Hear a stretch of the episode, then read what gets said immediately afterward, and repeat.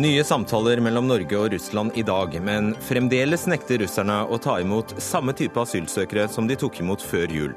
Så noe har skjedd, men hva? Og Russland er flere ganger dømt for brudd på asylsøkeres menneskerettigheter, men i stedet for å endre lovene, betaler Russland bøter.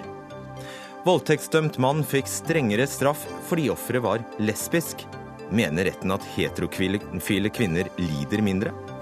Og Rema 1000s reklamekampanje Bytt og spar er et slag i ansiktet, sier leverandørene, som ikke tør å ta debatten offentlig.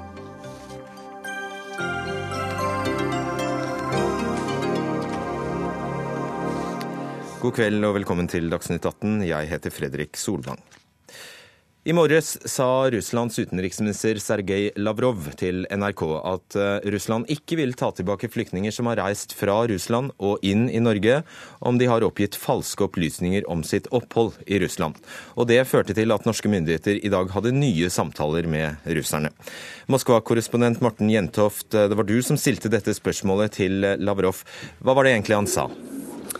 Det han sa, eh, det var jo det at eh, det er personer da som har dratt til Norge, og som Norge da ønsker å sende tilbake igjen, som du sa, som da har kommet til Russland på falske premisser, ifølge eh, Sergej Lavrov, altså den russiske utenriksministeren.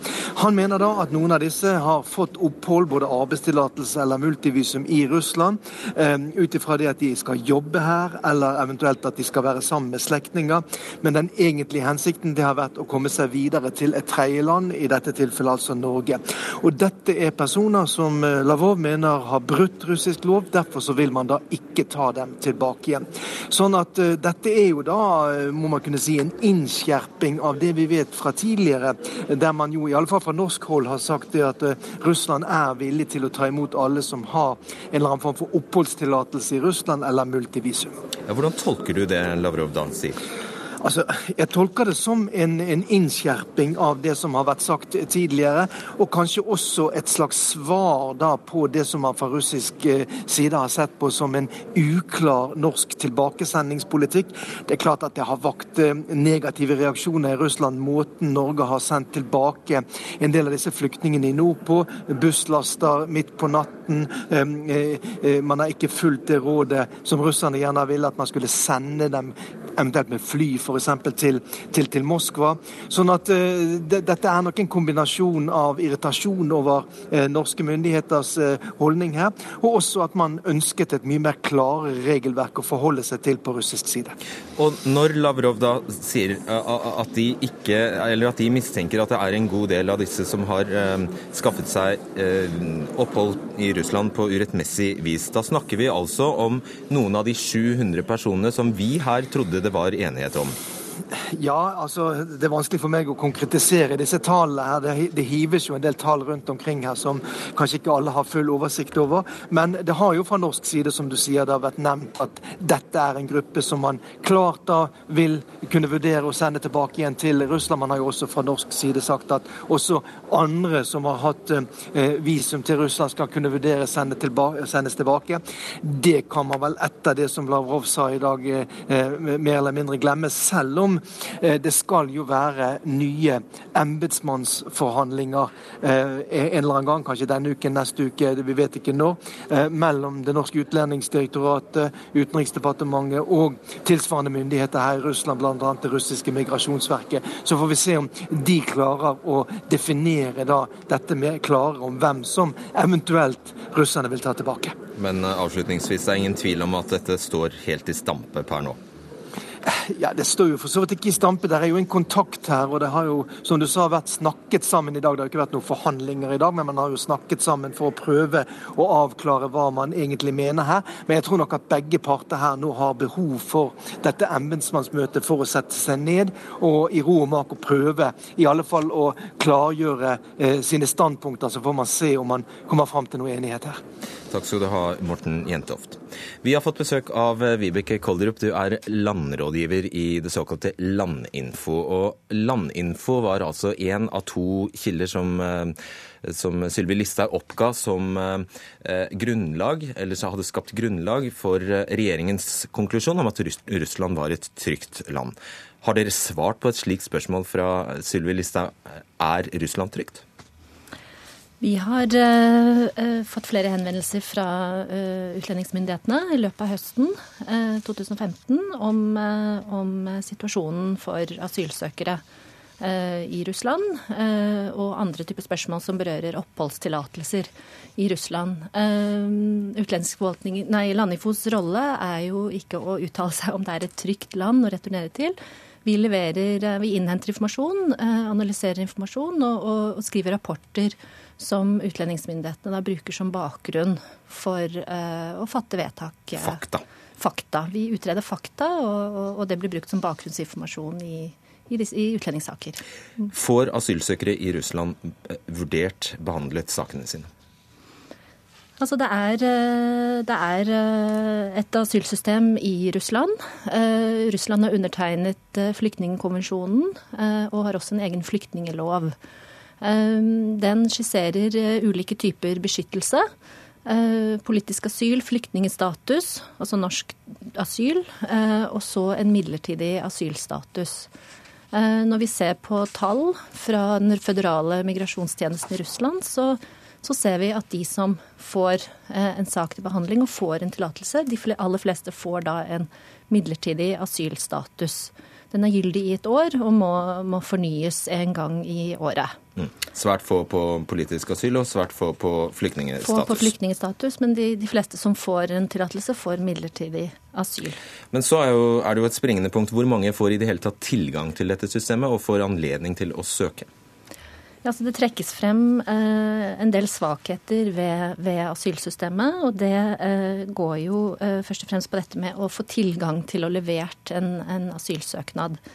Eh, det vises til mangel på personell hos FMS, eh, lange køer. Eh, man blir henvist til å komme tilbake, og at det har skjedd flere ganger. Og Det trekkes jo særlig frem lange køer i Moskva og St. Petersburg. Og de aller fleste asylsøkerne drar jo til disse store byene. I, tillegg så har det vært eh, tilfeller der det er vanskelig for asylsøkere å slippe inn i landet, altså ved grenseoverganger, og de har blitt værende i, i transittsoner. Og så er det dette med betaling av bestikkelser, som også trekkes frem av, av kilder. Eh, at eh, for å få levert en søknad uten å måtte stå i kø, så, så, så blir man bedt om å betale, da. Eh, uformell betaling. Fungerer asylsystemet i Russland? Altså det er, uh, Russland har et uh, regelverk på dette feltet. Uh, har som sagt undertegnet flyktningkonvensjonen og en egen flyktningelov. men det pekes på en del svakheter knyttet til implementeringen av regelverket. Og også dette da med tilgangen til å få søkt asyl. Videresender Russland folk til utrygge land? Nå har vi sett på dette med, med eventuelle returer av syriske borgere fra Russland til, til Syria. Eh, og vi forstår det sånn at fra offisielt hold i Russland så er det en instruks om at det ikke skal sendes tilbake noen fra Russland til Syria. Forstår at dette går tilbake til 2012. Eh, men vi jobber altså med å undersøke om det da faktisk har blitt sendt noen tilbake eh, til Syria. Og det er vanskelig å få den fulle og hele oversikten over dette. Eh, men ut fra informasjonen Landifo har eh, per i dag, synes det å ha vært noen helt få tvangsreturer fra Russland til Syria. Um, og vi har konkret kjennskap til to returer uh, fra Russland til, Syria per nå. Mm. Bryter Russland den europeiske menneskerettighetskonvensjonen? Uh, Russland har uh, ved en rekke anledninger blitt dømt i EMD. Dette er særlig de såkalte Nord-Kaukasus-sakene. Tsjetsjenia? Ja. Tsjetsjenia, Dagestan, Ingusjetia. Men det er også andre saker fra andre deler av Russland hvor de har blitt dømt. Mm. Uh, I 2014 så hadde de 122 dommer mot seg i EMD. 122 dommer i EMD? I 2014. Og, og, dette var ulike typer brudd på EMK, da. Det, eller på Den europeiske menneskerettighetskommisjonen. Men, ja, mm. men jøye meg. Eh, hvordan reagerer Russland på disse dommene? Vi i Norge vi endrer jo da lovverket, men hvordan, hvordan, hvordan responderer Russland? Det er litt varierende. Det er på det rene at Nå har vi først og fremst empiri fra disse Nord-Kaukasus-sakene, da. At det betales erstatning. De betaler en bot? Altså Russland må betale erstatning til de som har blitt dømt, da. Eller de, de ofrene som går til klage mot Russland i EMD. Eh, når det gjelder implementering av eh, altså innføring av nye lover eller endringer som følge av dommene, så, så er det grunn til å Så mener vi at det er noe mindre oppfølging fra, fra russisk side. Mm. Jeg tror vi sier tusen takk for den uh, informasjonen om det russiske asylsystemet der. Vibeke Kolderup, du er landrådgiver i Landinfo. Og da har vi fått besøk av utenriksminister eh, Børge Brende og av Lars Rove, seniorforsker på Fridtjof Nansens institutt. Det kan jo nå se ut som det er Russland og bare Russland som bestemmer om de vil åpne på Storskog og sørge for en strøm av asylsøkere til Norge, og at det er bare Russland som tilsynelatende bestemmer om vi skal få sendt noen av dem tilbake. Utenriksminister Børge Brende fra Høyre, det er nå dine diplomatiske ender virkelig blir satt på spill. Syns du det går bra? Satt på prøve, mener jeg. ja. Ehm, det som eh, har eh, vært eh, positivt, det er jo at den veldig vanskelige situasjonen vi var oppe i i fjor høst, hvor det kom over 5000 asylsøkere over grensa, der har vi fått til en forståelse med Russland, slik at de siste månedene så har det kommet null. Ja, Der har de sluttet med det, rett og slett. Ja, Men uh, vi ser jo at det kommer uh, 1000 i måneden nå til Eh, Finland. Så den forståelsen som vi fikk til, kombinert med de eh, lovendringene vi foretok i Norge, har bidratt til at det kommer null. Og så har vi jo utfordringer nå når det gjelder eh, retur, spesielt av de som åpenbart ikke har krav på beskyttelse. Men dette er jo et komplisert terreng. Det hørte vi gjennom Landinfo nå som kom med opplysninger som også utlendingsmyndighetene mm. må gjennomgå. Har dere eller har dere ikke en avtale med russerne om dette? Vi har jo fått en forståelse når det gjelder at uh, det ikke kommer nye ja, det er greit, asylsøkere. Men har dere en avtale ja, om at vi kan vi, returnere ja. de 5000? Og, og den, jo, den, avtalen er jo basert på et avtalegrunnlag, uh, den såkalte tilbaketakelsesavtalen. Fra 2007. Eh, helt riktig. Og eh, vi har eh, i dag hatt møter i Moskva hvor russisk utenriksdepartement har bekrefta at de som har multivisum, og de som har gyldig opphold i Russland, vil de ta imot. Så det er bekrefta. Men de returene foregår jo ikke nå, så hvorfor ikke? Nei, Det fikk vi jo beskjed om på fredag, at de ønsker å gjennomgå dette med oss, for de ønsker ikke eh, å foreløpig ta de over eh, Storskog, som vi hadde en avtale om. Men vi må ikke glemme at De ønsker at de skal bli flydd rett til Moskva? Nei, de, de har ikke presisert det. Det er jo det vi må avklare de nærmeste dagene nå. Men eh, vi må ikke glemme at de 200 som har blitt returnert eh, over Storskog, det var basert på en forståelse mellom de to grensekommissærene. Og de to grensekommissærene kom også til enighet om at vi skulle kunne bruke buss for å returnere flere. Men så kom jo den meldinga på fredag som sa at de ønsker å gjennomgå dette. Alt dette er i tråd med avtalen, så vi har en felles forståelse for det. Men det er jo det som er så mystisk, da, at de samme typen asylsøkere med multivisum, midlertidig opphold eller annen type opphold, de tok Russland imot før jul. Så plutselig skjer det noe og så slutter de å ta imot dem. Så et eller annet har jo skjedd. Men det er en hjemmel i denne tilbaketakingsavtalen som sier at hvis det oppstår uh, en uh, sikkerhetstrussel uh, eller en sikkerhetsvurdering som er annerledes, så kan de be om at Men du har ikke skjønt hva det betyr? De har sagt til oss i dag, og det er jo det som er det viktige, mm. at de setter ikke spørsmålstegn ved at de skal ta imot de som vi har vært enige om at de skal tilbake, ta tilbake. Så det er ingen endring på det, det men de vil ha en uh, fornya avtale om hvordan de eventuelt skal uh, returneres. Jeg synes at dette er blåst ut av sine proporsjoner. Dette er en vanlig dialog knytta til en avtale. Hva er blåst ut av proporsjoner? Ja, dette at de har nå bedt om en eh, pause.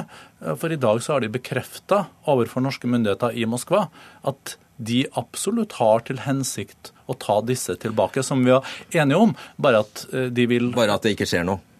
Ja, eller at det kan skje på en annen måte gjennom at de vil sendt tilbake med, Men med fly. Så hørte du jo hva Lavrov hadde sagt til eh, Morten Jentoff, nemlig at Russland har et ønske Russland mistenker at en del av disse har ervervet seg eh, visum eller, eller oppholdstillatelse i Russland på urettmessig vis. Det er en floke du ikke ser ut til å stå nært å løse.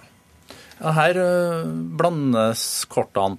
fordi når vi gikk til russisk UD i dag og spurte, så sier de at det er ingen endring i den russiske posisjonen og de avtalene eh, vi har hatt eh, i og med dette utspillet fra Lavrov.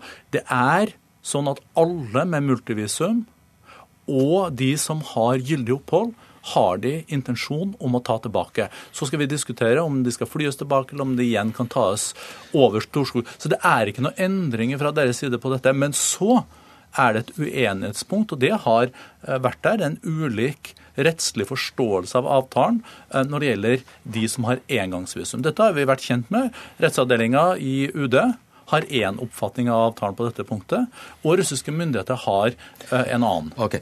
Til, eh, siste spørsmål i denne runden, før vi slipper til Rove her. Har du tåkelagt realitetene i denne saken? Overhodet ikke. Altså, tvert imot så har vi uh, gjennom uh, de avtalene vi har fått på plass, så har vi Eh, unngått eh, at asylstrømmen fortsatte.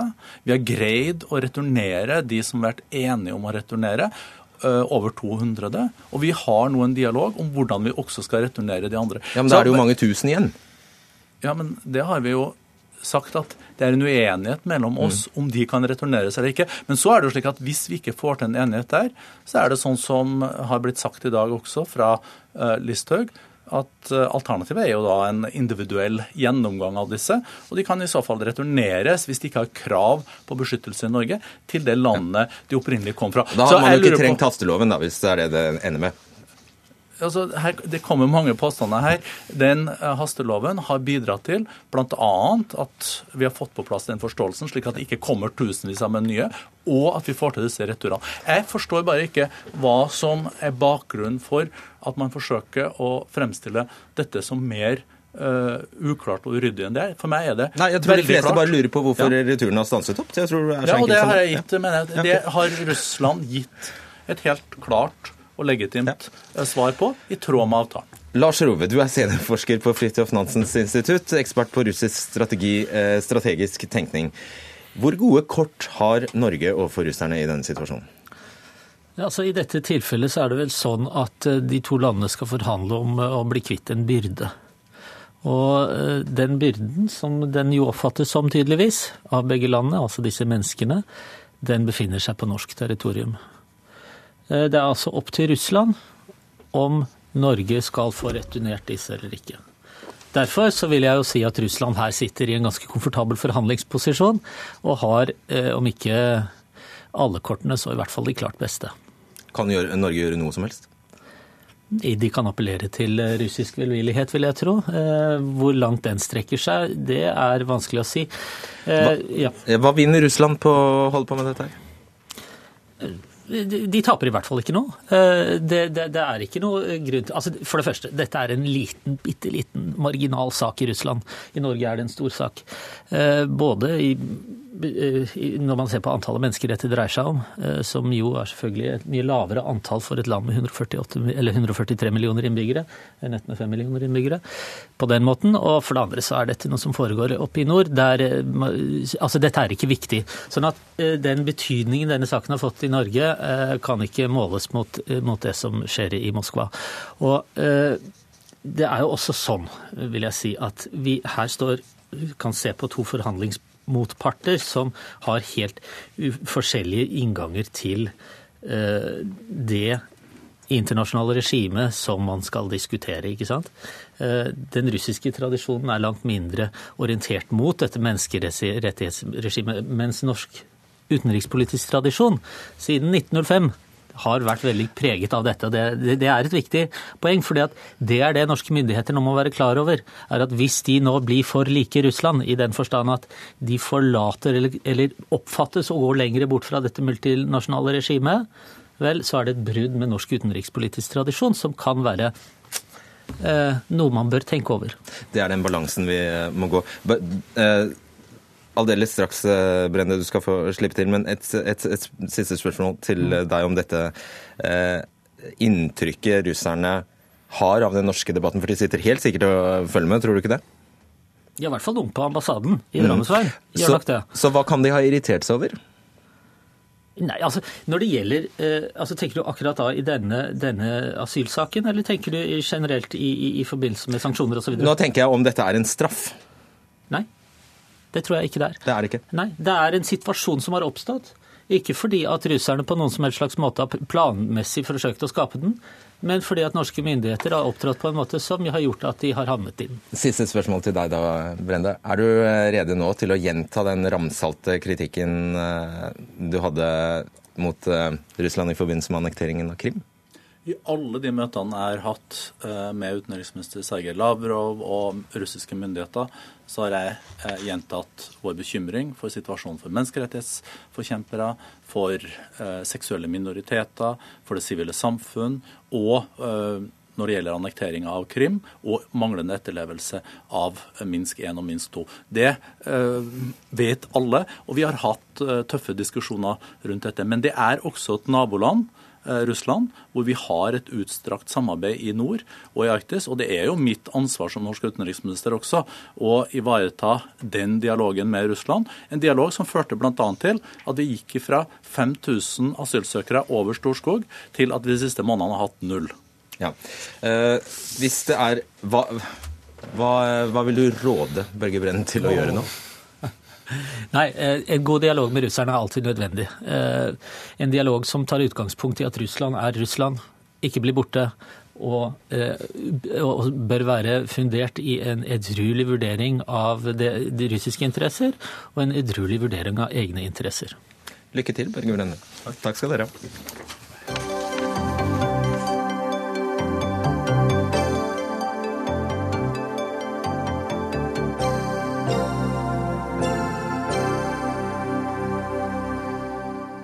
Nå til en omstridt voldtektsdom. For fredag ble en 36 år gammel mann i Follo tingrett dømt til fengsel i to år og ni måneder for en såkalt sovevoldtekt av en kvinne i Ski. Retten la vekt på at et skjerpende element var at kvinnen er lesbisk. Kvinnen og hennes partner var på byen og inviterte to menn hjem til seg på nachspiel, der voldtekten skjedde. Mannen er også dømt til å betale kvinnen 125 000 kroner i oppreisningserstatning. Ina Strømstad, du er tingrettsdommer i Oslo tingrett og medlem av dommernes mediegruppe. Og Follo tingrett eh, vil ikke uttale seg om denne dommen, men eh, du har sagt deg villig til å forklare den eh, for oss. Eh, det omstridte her er jo altså rettens vurdering av kvinnens seksuelle legning som skjerpende omstendighet. Hvordan kommer det til uttrykk i denne dommen? Ja, bare La meg si det først, at uh, retten har uh, en ganske vanlig tilnærming til straffeutmålingen, ved at uh, de først har sett på hva er normalstraffenivået for denne type overtredelser. Og funnet det ved å se til Høyesterett. Hva har Høyesterett sagt om det? Og så ment da at et skjerpende moment, ett av to, er at denne kvinnen, fornærmede, var lesbisk, og at det taler for en strengere straff. Og så har de på samme måte sett hen til hvilke formildende momenter eh, var det som taler for en mildere straff. Og så etter en vekting av det, så har de landet på at den passende straff da var to år og ni, ni måneder. Og det ligger da, må man, må man formode, i det øvre sikt? Ja, de, eh, retten eh, tar utgangspunkt i, eh, gjennom henvisning til, til Høyesterett, at normalstraffen var tre år. Eh, og at et skjerpemoment, moment, ett av to, eh, var at fornærmede var lesbisk. Og så et formildende moment var at saken var gammel. Og så har de vektet disse litt skjønnsmessig og havnet da litt lavere enn sånn, en, ja. normalstraffen. Da skjønner jeg. Ja. Og, og, bare veldig kort, begrunner, begrunner retten dette her med at hun var lesbisk noe videre? Ja, det, det, de konkret sier, det er at en, de viser til at fornærmede er lesbisk, og at en voldtekt forøvet av en mann slik retten ser det, oppleves som et større traume for en som er lesbisk enn for en som er heterofil. Og bare la meg legge til det at retten har altså ikke sagt at det ville vært formildende om denne eh, kvinnen var eh, heterofil. Det er motsatt, altså. Ansett det skjerpende at hun var lesbisk. Og det er da du, Susanne Myklebust Egseth, tekstforfatter i kommunikasjonsbyrået Gambit, eh, falt av stolen nærmest. Du skriver at en kan jo ikke måle traumer i legning. Det jeg reagerte på umiddelbart når jeg leste om denne saka, her, det var jo den formuleringa der du drar sammenheng mellom legninga til offeret og hvor stor grad av traume offeret kunne oppleve av det. Fordi den formuleringa der, hvis du skal på en måte dra det resonnementet videre og snu det litt på hodet. Hvis den, det resonnementet er gyldig, så må det, man kunne applisere det til andre sammenhenger. Bruke akkurat samme logikken, så både i formildende og i skjerpende retning, så henger ikke det på greip, det heller. Det grenser jo helt til det absurde hvis man skal ta argumentasjonsrekkene Hvor havner den, da, mener du? Ja, satt på spissen, da. Så for eksempel eh, hvis offeret f.eks. har beviselig da, liker pene menn, hvis du går gjennom alle eksene, og de er pene og de er rødhåra, er det da formildende dersom denne her eh, voldtektsmannen da er pen og rødhåra, eller er det skjerpende hvis han var stygg da, og da f.eks. blond, eh, og da faller utenfor offeret sine preferanser når hun er da våken og samtykkende. Jeg syns ikke det henger sammen i det hele tatt. da, Og det det botner i, det er liksom det aller største problemet det er jo at retten drar inn sex som et element i det hele tatt. Fordi voldtekt er jo ikke sex, iallfall ikke for offeret. Det er bare vold. Det er vold. Og da har ikke offer sine samtykkende aktiviteter og preferanser eh, når hun er våken og i andre settinger noe med saken å gjøre. Ingvild Endestad, du er kommunikasjonsrådgiver i LLH, eh, Landsforeningen for lesbiske, homofile, bifile og transpersoner. Hvordan reagerer du på denne dommen? Nei, altså, Vi er jo først og fremst glad for at man dømmer strengt i, i voldtektssaker, og at voldtektsofre blir trudd. Når det er sagt, så er det jo spesielt at man legger til grunn seksuell lyst, seksuell orientering i en sak hvor et offer har, har sovet, og hvor man har blitt utsatt for en voldtekt, som i rene år bare er en grov voldshandling. Eh, så vi kan ikke skjønne at man skal dømme ulikt ut fra seksuell orientering i en sånn sak. Men kan det ikke stemme at en lesbisk kan bli mer traumatisert av å bli voldtatt eh, av en mann enn en heterofil kvinne? Nei, det vil jeg ikke tro.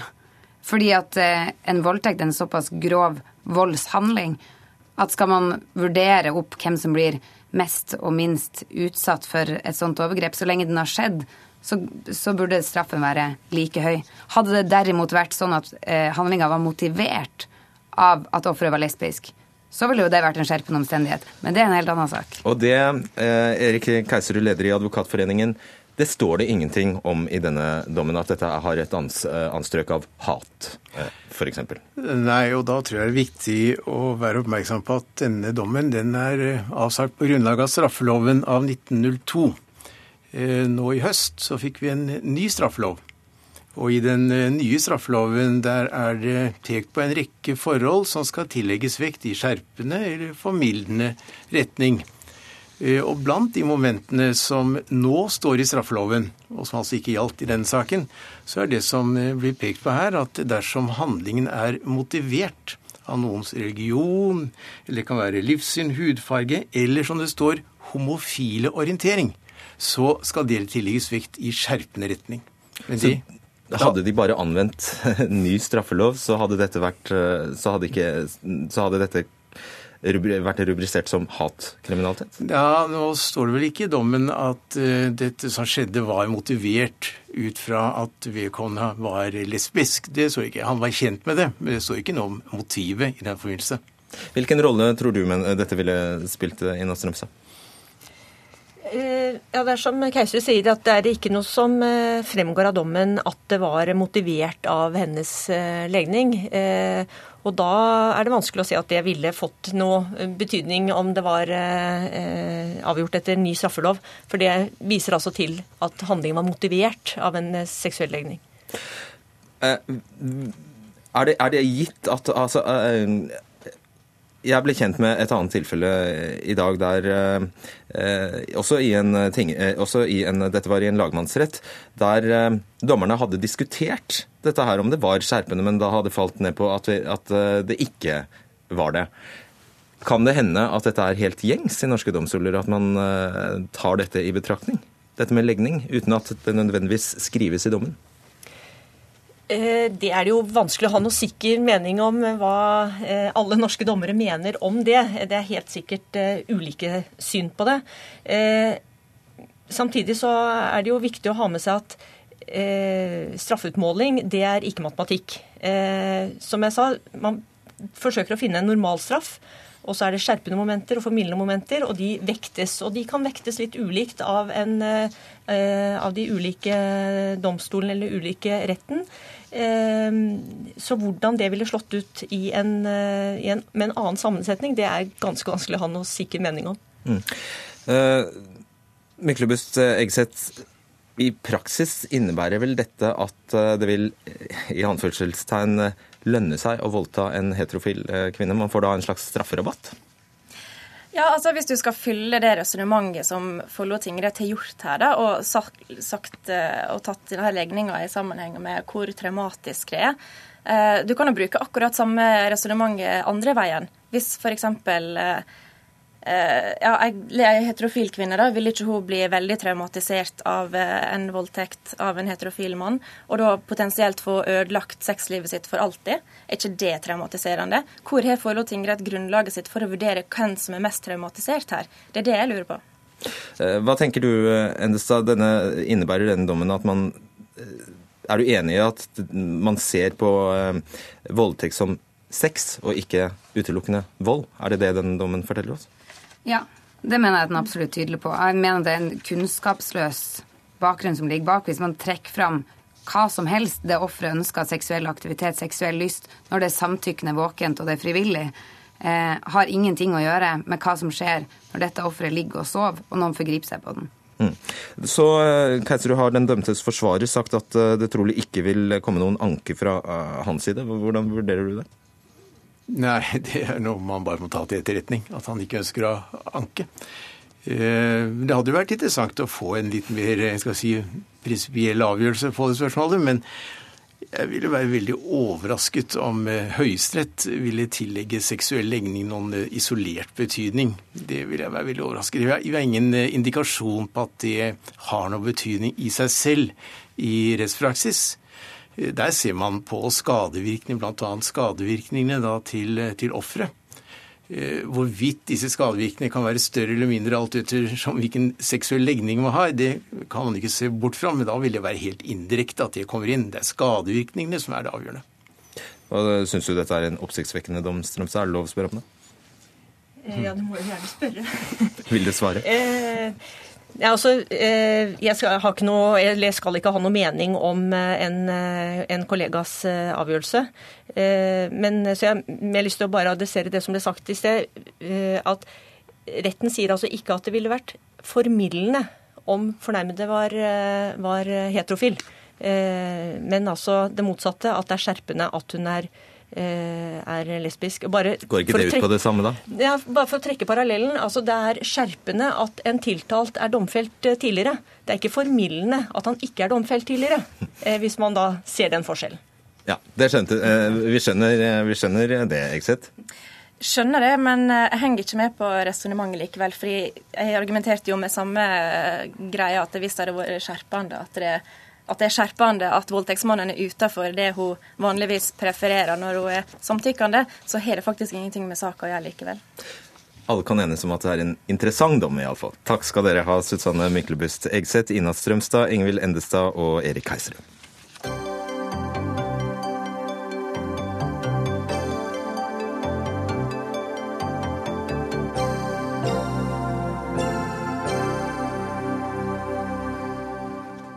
Du har helt sikkert sett Rema 1000-reklamen der merkevarer som Farris sammenlignes med egenmerkevarer som Taffel. Og så kommer prisen opp på de to produktene. Farris koster da 1950, mens Taffel koster bare 7 kroner. Bytt og spar, heter kampanjen. Flere av Remas merkevareleverandører mener kjedens nye kampanje er et slag i ansiktet, faktisk. Men de tør ikke stille her, av frykt for represalier dersom de tar diskusjonen offentlig. Mette Fossum Beyer, direktør for kommunikasjon og samfunnskontakt i Rema 1000. Da har dere kanskje oppnådd det dere vil, eller? På ingen måte. Vi har sett at flere av våre leverandører har vært tidlig ute og uttalt seg i media, både positivt og kritisk. Så det skal ikke være farlig å kritisere oss for det. Du kan så, vel ikke mistenke noen av merkevareleverandørene for å like denne kampanjen? Det kan være de syns det er utfordrende, og når du er en stor internasjonal leverandør og blir utfordret av f.eks. Lille Grans fra Sandefjord. Eh, men eh, det mener jeg de bør tåle. Dette gjør vi jo fordi at kundene våre skal bli oppmerksomme på den store prisen prisforskjellen, slik at de får muligheten til å gjøre smarte valg når de er i butikken vår. Og da vil jeg bare spørre deg, Hvem er det som setter de prisene? Det er, Vi setter prisene ut fra markedspriser. Vi konkurrerer jo hele tiden. Vi skal alltid ha de laveste prisene hos oss. Og så har vi våre egne merkevarer. Det har ikke vært store prisendringer fra oktober til nå, eh, til nå når vi har denne kampanjen. Sa du nå at Rema sitter der og setter prisene både på merkevarene og på egenmerkevarene? Vi sitter hele tiden og konkurrerer ut ifra markedspriser, og det har ikke vært store prisendringer mellom disse fra, fra oktober og til nå. Odd Gisholt, fagansvarlig for varehandel ved Handelshøyskolen BI. Er det dette man kaller Bukta-begendene? Ja, det er i hvert fall svært overraskende. En slik kampanje har vi ikke sett før. Og det er klart at eh, leverandørene eh, de slakter denne kampanjen og føler at det er et eh, spark. Og det er jo slik at Rema 1000 er jo blitt stor fordi de i lang tid har solgt industriens merkevarer til lave priser. Og nå faller de på en måte industrien i ryggen.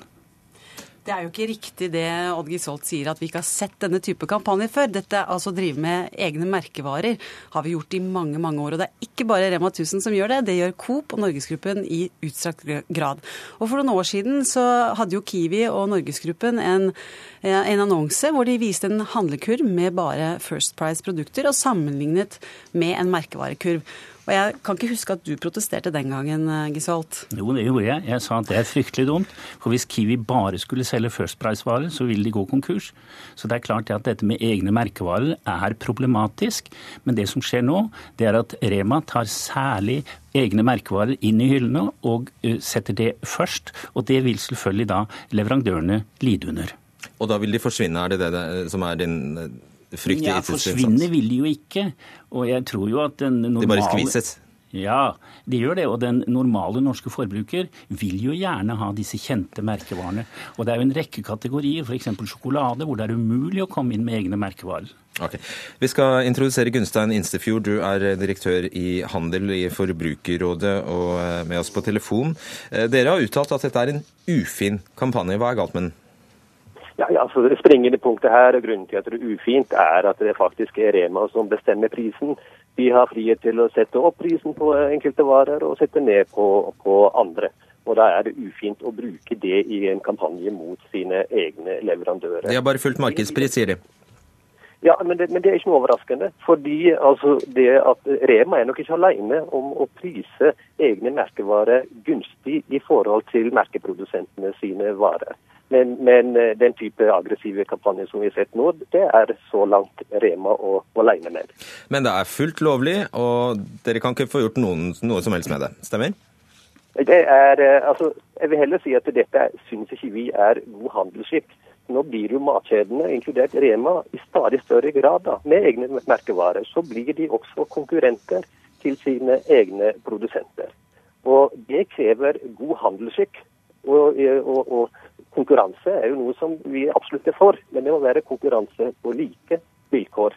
Og når Rema bestemmer prisen, så er ikke dette konkurranse på like vilkår. Vi har vært bekymra lenge for at matkjedene fristes til å sette opp prisen på merkeprodusentene sine varer, og muligens bruke overskuddet der til å prise ned da, egne merkevarer. Du kan svare på den konkrete beskyldningen. Altså, vi, vi, tror, vi, tror, ikke at det, altså det prisbildet som denne kampanjen her eh, gir, reflekterer et, en reell prisforskjell når det gjelder produksjonskostnad og innkjøpspris eh, hos Remo. Dere tror de jukser, Ok, svar på det. Vi har ikke satt opp prisen på de tradisjonelle merkevarene. Og vi konkurrerer på pris hver eneste dag for at vi skal ha de laveste prisene ut til våre kunder.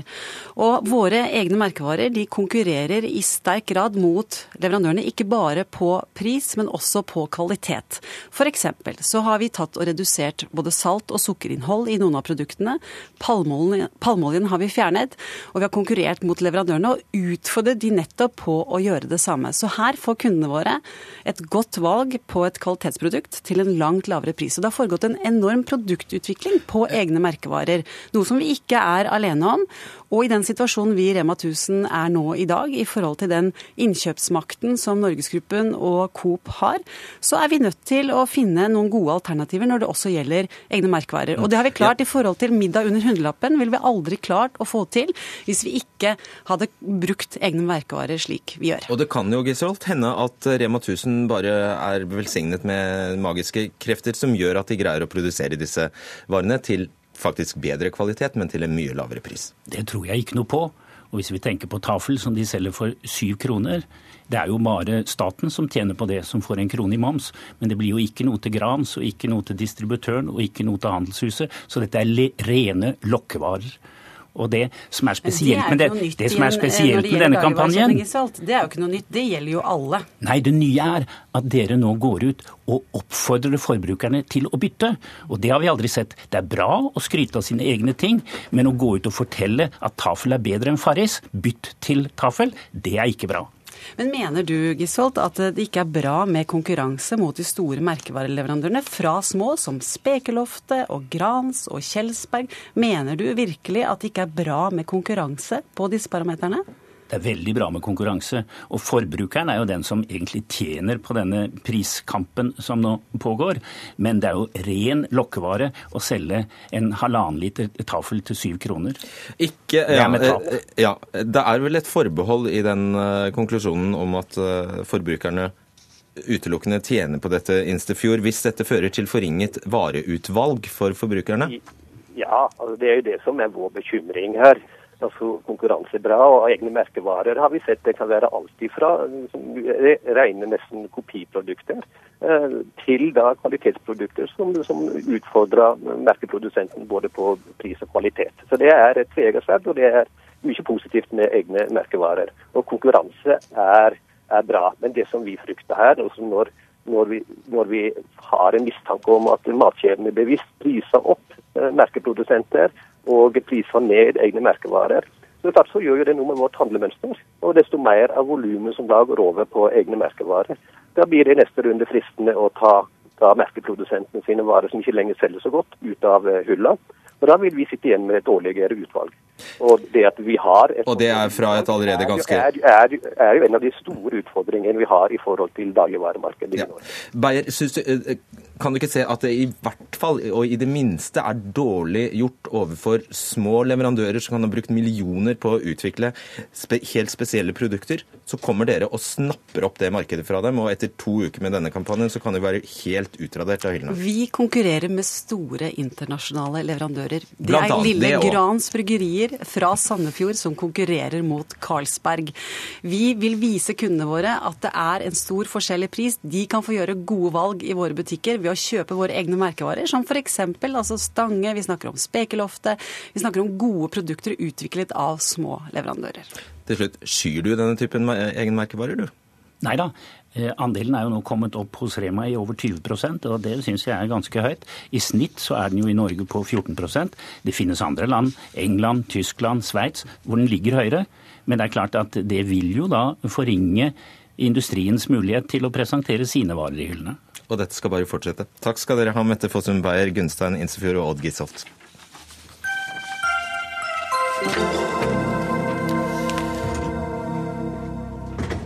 Med en verden i endring er det viktig å ruste opp militært. Ja, det har vi jo hørt forsvarssjefen si, og Natos generalsekretær er hjertens enig.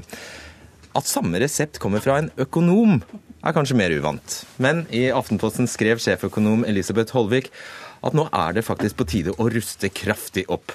Og det for å sikre økonomisk framgang. Jeg må innrømme, Elisabeth Holvik, da jeg leste denne, denne kronikken, så eh, ble jeg vettaskremt. Du er altså sjeføkonom i Sparebank1. Hva er det du vil fram til? Nei, altså Det vi opplever i finansmarkedet nå, det er at veldig mange sitter og klør seg litt i hodet. Hva skjer? Eh, og så ser en at de modellene en har brukt de siste 20-30 årene, der alt har gått opp, alt har vært eh, fred og fordragelighet og eh, sammenhenger har passa fint, de er i ferd med å endre seg. Og da må en løfte blikket og se enda lengre bak. Sant?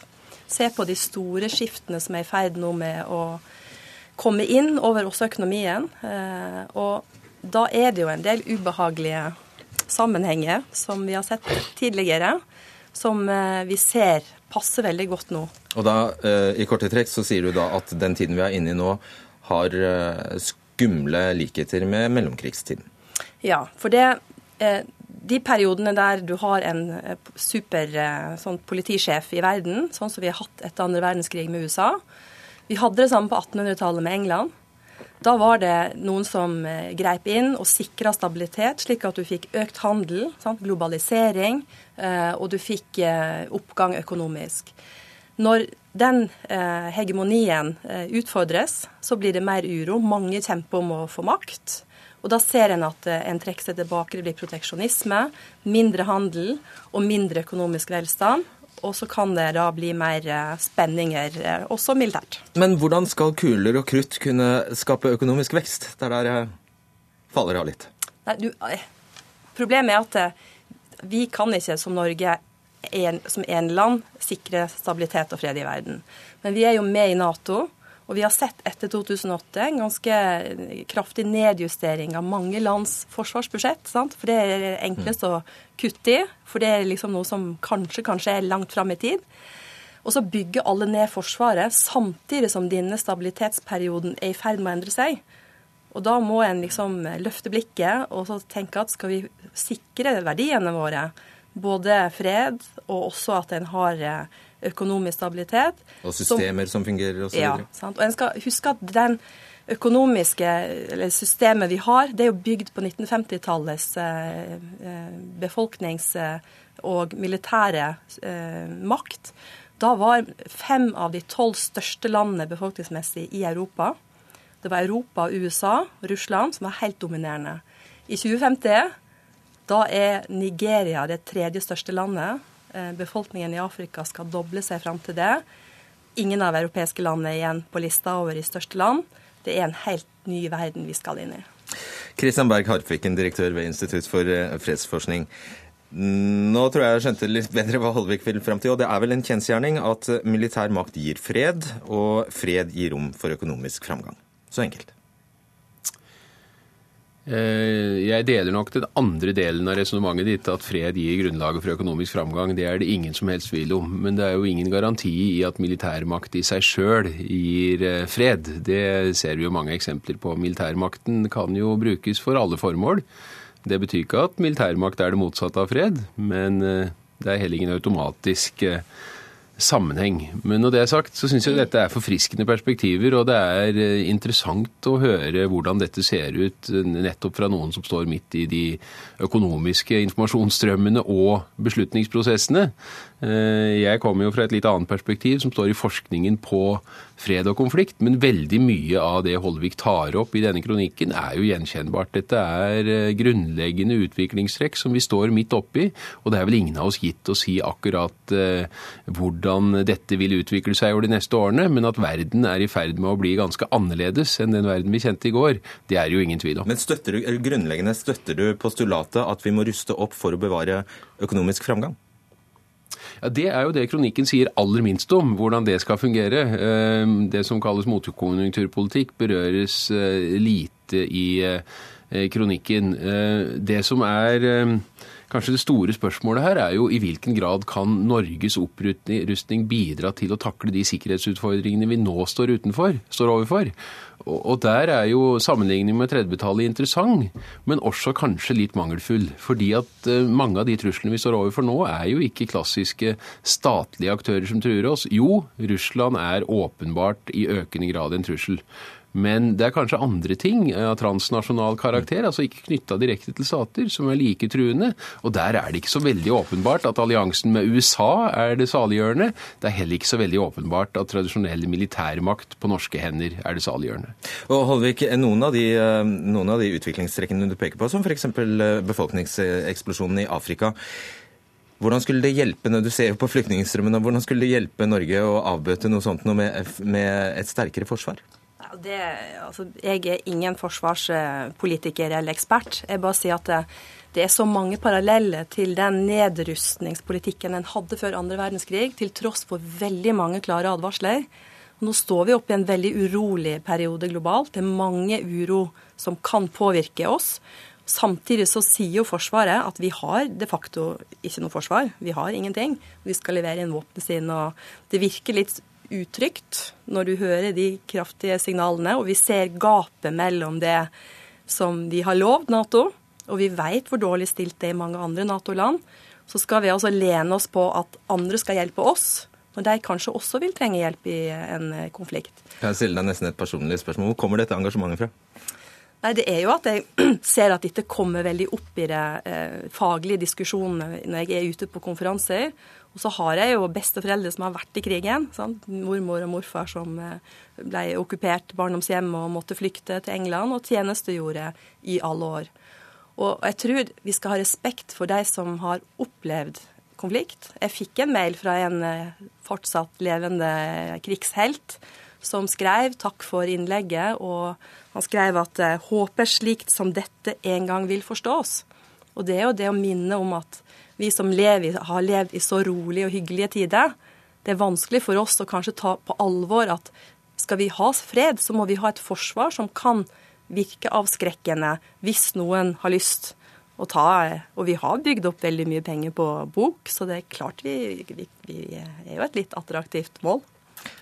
Og det har ikke manglet på advarsler, eh, spesielt den siste tiden, om at vi, eh, stridsevnen vår nå er eh, kanskje ikke bedre enn den var i 1940. Nei, det er nok eh, veldig mye i det resonnementet. Eh, det er klart Etter den kalde krigens slutt i 1990 så har vi tatt ut en voldsom eh, fredsdividende i Europa. Vi har kappet enormt ned på forsvarsbudsjettene. Det som er pussig i dette, er jo at vi i dag på ingen måte har en nedrustningsdiskurs som ligner på den vi hadde på 1930-tallet. Snarere vil jo jeg si at det som preger europeisk politikk, og også norsk politikk de siste 15 årene, altså i det eh, 21. århundre, er en mye større vilje til å bruke skarpe virkemidler. Vi har sett det i Afghanistan, Irak, Libya, og vi kunne gjøre listen mye lengre. Men på tross av det på tross av at Hollande, altså samme dag som det skjer et terrorangrep i Paris, velger å gå til bombeangrep i Syria, altså bruke de skarpeste virkemidlene han har, så er det ingen økt vilje til å investere i eh, forsvar. Og det er jo et paradoks. Men det betyr samtidig at sammenligningen med 30-tallet igjen ikke er perfekt. Ok, Neste gang Holbæk, så inviterer vi noen politikere også. Takk skal dere ha, Elisabeth Holvik og Christian Berg Hartvik.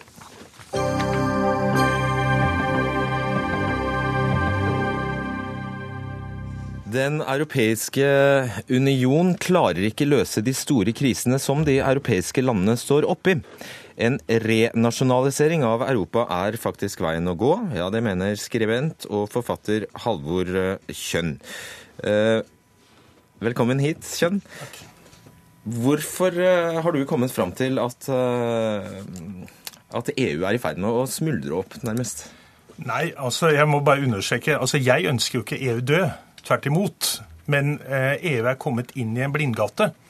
Og den blindgata har man kommet inn i fordi at man har gått for langt i dette overnasjonale prosjektet. Altså eh, Schengen-samarbeidet eh, og euroen. Og pga. de to prosjektene så har man da endt i en blindgate hvor man ikke kan løse mange av de problemene som vårt kontinent står oppi akkurat nå. Og skal jeg bare føye til at uh, dette, Du er her fordi du har skrevet en eh, kronikk i, uh, i dag og tid. Men uh, så da sier du egentlig at to hovedpilarer i, i EU-samarbeidet er i ferd med å forsvinne, og da står man igjen med hva? Ja, da står man igjen med nasjonalstatene. Altså, Man må få en revitalisering av nasjonalstatene. fordi at både Schengen og eurosamarbeidet svekket nasjonalstatene, tok makt ut av nasjonalstatene. Men man klarte ikke å overføre tilsvarende makt til EU-overbygningen. Og den makta må nå føres tilbake til nasjonalstatene. Altså nasjonalstaten må ta tilbake makt. Og så må man forsøke å eh, få eh, fortsatt samarbeidet i EU, men på en ny basis. Altså ikke på denne unionstanken, men mer på basis av et europeisk samarbeid mellom nasjonalstatene. Så drømmen om et føderalt Europa er død? Den, etter min mening, er helt død. Den var gal fra begynnelsen av, fordi at Europa, Europas styrke består nemlig nettopp i nasjonalstatene, og den er nå Det har vist seg at man burde aldri forlatt nasjonalstaten. Kirsti Meti, du er generalsekretær i Europabevegelsen. Er du enig i det? Vel, um, jeg syns jo at uh, Halvor Kjønn beskriver helt klart en del symptomer på en del forhold som ikke fungerer optimalt i Europa. Det er jeg ikke uenig med han i. Eh, men når det gjelder mulige løsninger uh, som man kan eh, tenke seg når det gjelder hvilken vei EU må gå for å kunne uh, ta fatt på de utfordringene, så syns jeg kanskje at gapet mellom å tenke en føderal løsning og det å tenke renasjonalisering, syns jeg er de to ytterpunktene i den, de løsningene man kan se for seg. Men du kan vel ikke Eh, akkurat si at det fungerer godt i dag? Nei. Eh, Jeg tror ikke at noen syns at EU fungerer helt optimalt på enkelte områder eh, i dag. Eh, Men det som jeg er glad for, eh, det er at vi to eh, ser ut til å være enige om at EU er kommet for å bli på en eller annen måte. Og det som jeg syns kanskje er et viktig utgangspunkt for en sånn debatt, det er jo at EU i seg sjøl er jo kun et virkemiddel for å få til et forpliktende samarbeid mellom land i Europa. Og det i seg sjøl har ført til en viss grad av overnasjonalitet. Slik at det er jo overnasjonaliteten her som Halvor Kjønn først og fremst kritiserer. Og jeg skjønner ikke helt hvordan han tenker seg da et eh, samarbeid i EU uten en viss grad av overnasjonalitet. Forklar det. Ja, altså, eh, Selvfølgelig må en ha en viss grad av overnasjonalitet, men en må være klar over det at de to tingene som ble gjennomført omkring år 2000, med å frata de enkelte land deres egen valuta, og dermed styringen av deres egen økonomi, og å fjerne grensene, samtidig som man skulle bygge opp en yttergrense som man ikke bygde opp, det var to helt fatale beslutninger. Og de to beslutningene må på en eller annen måte gjøres om på. Og vi ser jo nå også at det ene europeiske land etter andre innfører sin egen nasjonale grense, altså tar kontroll med sitt eget nasjonale territorium. Og det tror jeg vi kommer til å bare se nå utover eh, 2016, at det kommer til å skje i stadig større grad. Og hvis det skjer, Meti, da er vi jo faktisk eh, Da kan vi jo nesten kalle, kalle det som oppstår for det gamle EF. Ja, da står man igjen med et samarbeid som er prega av en type økonomisk eller handelspolitisk tankegang, der det kommersielle aspektet av det europeiske samkvem står, eh, står, sentralt, står sentralt. Men for oss i, eh, i europabevegelsen så vil jo dette være en veldig trasig utvikling, for å si det, for å si det mildt. fordi at hva hva hva, egentlig formålet med EU? Hvis man skal diskutere EU og hva slags vei EU skal ta, så må man nesten snakke litt om hva er vitsen i det hele tatt med EU? Hva er EU liksom godt for? Og vi vet jo det at Hvis vi tar et lite historisk perspektiv, så vet vi at EU ble til rett og slett for at en hel generasjon etter andre verdenskrig ønska fred. Og for å få til fred så ga man noe. Man ga litt suverenitet for å få en overnasjonal styring over produksjonsmidlene av, av våpen. Og da kan man spørre seg i dag hva er, hva er målet med en overnasjonalitet hvis det bare skal handle om eh, handel? Fordi ja. Men, men altså, det, er- det er helt riktig som du sier at man ga fra seg i begynnelsen litt suverenitet, og dette fungerte ganske godt. Men så ga man fra seg veldig mye suverenitet. Altså kontroll med eget territorium og kontroll med egen valuta. Og det har ikke fungert godt. Det har vist seg å være blindgate. Og skal Europa komme ut av den krisen her nå, så tror jeg det at eh, nasjonalstatene må ta igjen kontrollen med det. Og det er de i ferd med faktisk å gjøre. Og siste spørsmål, og du må svare kort. Tror du at dette nye EF da, er noe Norge kunne snus på? Ja, altså et EF for de europeiske nasjonalstatene, hvor man har et nasjonalisert jordbruk og en nasjonal fiskeripolitikk og en nasjonal valutapolitikk, men et veldig godt samarbeid mellom de gode europeiske naboene. Veldig fint. Hva tror du? Det, med, det er, er, vi allerede medlem av. Vi er en del av det indre marked. Men, gjennom EØS? Gjennom EØS-avtalen så er vi allerede Vi har bare ikke politisk beslutningsevne. Og så sier vi det ikke høyt. Takk skal dere ha, Halvor Kjønn og Kirsti Meti. Denne sendingen er over. Det var Sara Victoria Rygg, Finn Lie og Fredrik Solvang som var ansvarlig for den. God kveld.